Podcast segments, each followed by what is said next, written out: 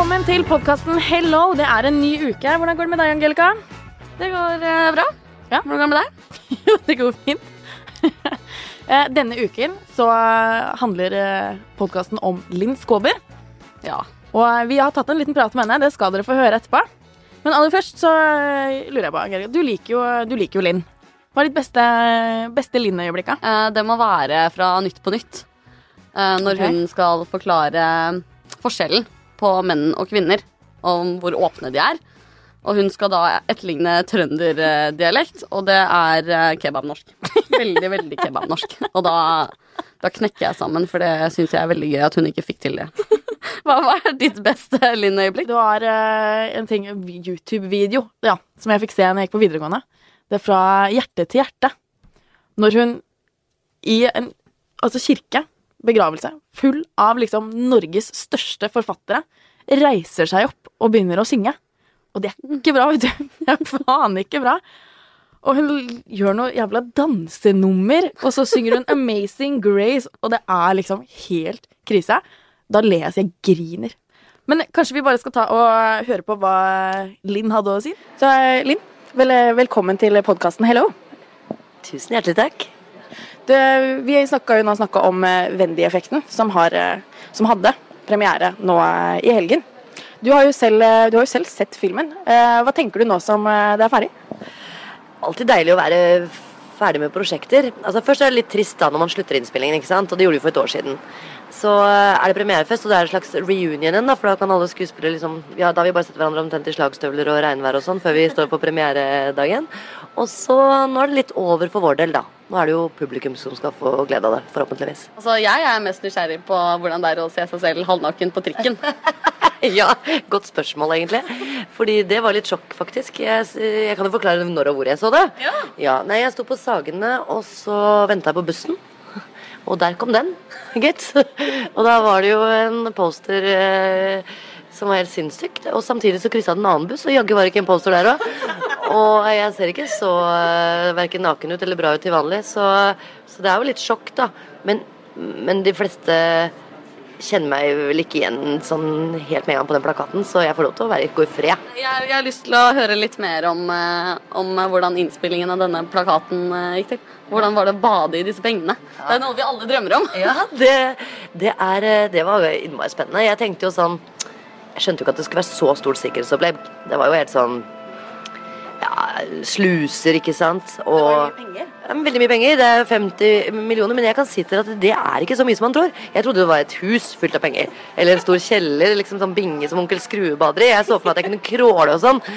Det, det kunne jeg nesten. Det var et, som et lite svømmebasseng, da. Eller som en stor uh, dobbeltseng. Men det er jo deilig å høre replikkene som er liksom Linn ligger litt lavt med huet, ta 50 millioner til Nei, eller en halv million til under huet hennes, så hun kommer seg opp. Det var sånn, da. Men det jeg fikk høre i stad, det var litt rart, fordi jeg fikk høre at etter at de hadde gått fra settet, så mangla det 3000 kroner. Nei. Jo. Mangla det, penger fra innspillinga? Var det noen som fikk litt lite betalt under filmen? Ja, men det er jo helt umulig å komme seg ut med det, så ingen forstår jo. Jeg vet det selvfølgelig, men uh... Men gutta skjønner jo ikke det. Men det mangla faktisk 3000 kroner. Men jeg tror de kom fram til at det hadde vært noe feil med tellinga, eller noe sånt, så jeg lar de tro det. Hvordan uh, syns du det var å få spille inn Wendy-effekten? Det er jo en litt eh, annerledes norsk film. Veldig morsom. Vi, vi har jo sett den, vi også. Ja, så hyggelig. Det er innmari gøy å, å få være skuespiller sånn, fordi jeg hopper jo fra det ene til det andre, for å si det mildt, og det er jo alltid det jeg har drømt om. Så på siden av ting nå, så har jeg holdt på med helt andre ting, som er en annen valgløer. Så det er innmari deilig å gå inn i en gangsterkomedie og et gangsterland og få lov til å leve der en periode. Det er sånn Jeg går jo liksom på settet om dagen og knuse vinduer og skjære meg litt på hånda og, og dra hjem og lage middag til sønnen min etterpå. Kunne du deg, eh, kunne du sett for deg et liv som eh, gangster eh, ellers? Jeg er for lat til å være gangster. For å være gangster, det krever så mye energi. Og så mye tanker om penger at det hadde jeg ikke takla. Jeg er lat for lat. For lat til å være kriminell. Men eh, Nils, sønnen din, han er jo gammel nok til å se den filmen her. Hva, hva, hva tenkte du på forhånd at han kanskje kom til å si om, om eh, å se mamma på i denne typen film, da? Og i den type antrekk? Jeg har tenkt på det gjennom hele livet, egentlig, apropos det med skam. Og da tenker jeg sånn at uh, Ja, det skjønner du, for det, det er Jeg skal love deg å komme til poenget. Men Jeg husker Odd Børresen ble spurt om det en gang, tror jeg, i forhold til skam og hva han mener og sånne ting. Og han sa på en måte at han ble fri når han var helt aleine og foreldrene var borte. Altså, det var, var sånn fri. Så jeg bestemte meg ganske tidlig for at jeg skal ikke skamme meg verken for foreldrene mine, fordi jeg har også sett mye rart på teatret og sånne ting. Eh, og da hadde jeg blitt en mye dårligere skuespiller hvis jeg hele tiden skulle gått og tenkt på det. Og jeg tenker litt det samme med Nils, og han er veldig klar over det. Han sier du er jo skuespiller, sier han. Og det er det vi egentlig lener oss på begge to, men det er litt sant, altså. Jeg, jeg skal gjøre alt jeg kan for heller ikke å skamme meg over han resten av livet han lever. Jeg skal forsøke å la han bli et fritt menneske. Og mene det han vil, og tenke de tankene han vil. Kanskje med noen irettesettelser det har også jeg alltid hatt godt av. Men uh, Jeg har fått litt kjeft innimellom, jeg ja, òg, men, uh, men uh, sjelden Sjelden skam. Skam er overvurdert. Ja. Hva, hvilke prosjekter eh, har du foran deg eh, i tiden framover nå, Elin? Du, nå holder jeg på å skrive på en, eh, en TV-serie som jeg skal gjøre for TV 2, som heter Og her kommer det. Jeg hater å si det, for jeg hater tittelen. Det er bare en arbeidstittel. Så hvis det er noen av de podkastlytterne dere, deres som har en bedre tittel, så vil jeg ha forslag. Den heter nå 40 feit og ferdig. Er dere enig i at det er litt teit? Serien er god, men tittelen er litt sånn eh. Jeg føler jeg har hørt det før. Så liksom noe, men det handler litt om det. altså, ikke sant? Noen som sitter midt i 40-åra, mister alt. Mannen går fra deg, finner en yngre dame, mister jobben i reklamebransjen, begynner å jobbe på gamlehjem. En ny del av livet på en måte, hvor du føler deg litt aleine. Men eh, Skal det være du som er 40 fight og ferdig, eller? Det er meg, det, vet du. Men når, eh, som sagt, når er det vi kan forvente å få se dette på TV 2, da? Det høres jo veldig spennende ut. Ja, vi skriver det nå. Sitter og jobber med det nå, så jeg skal på jobb allerede i dag. Eh, og jobbe videre.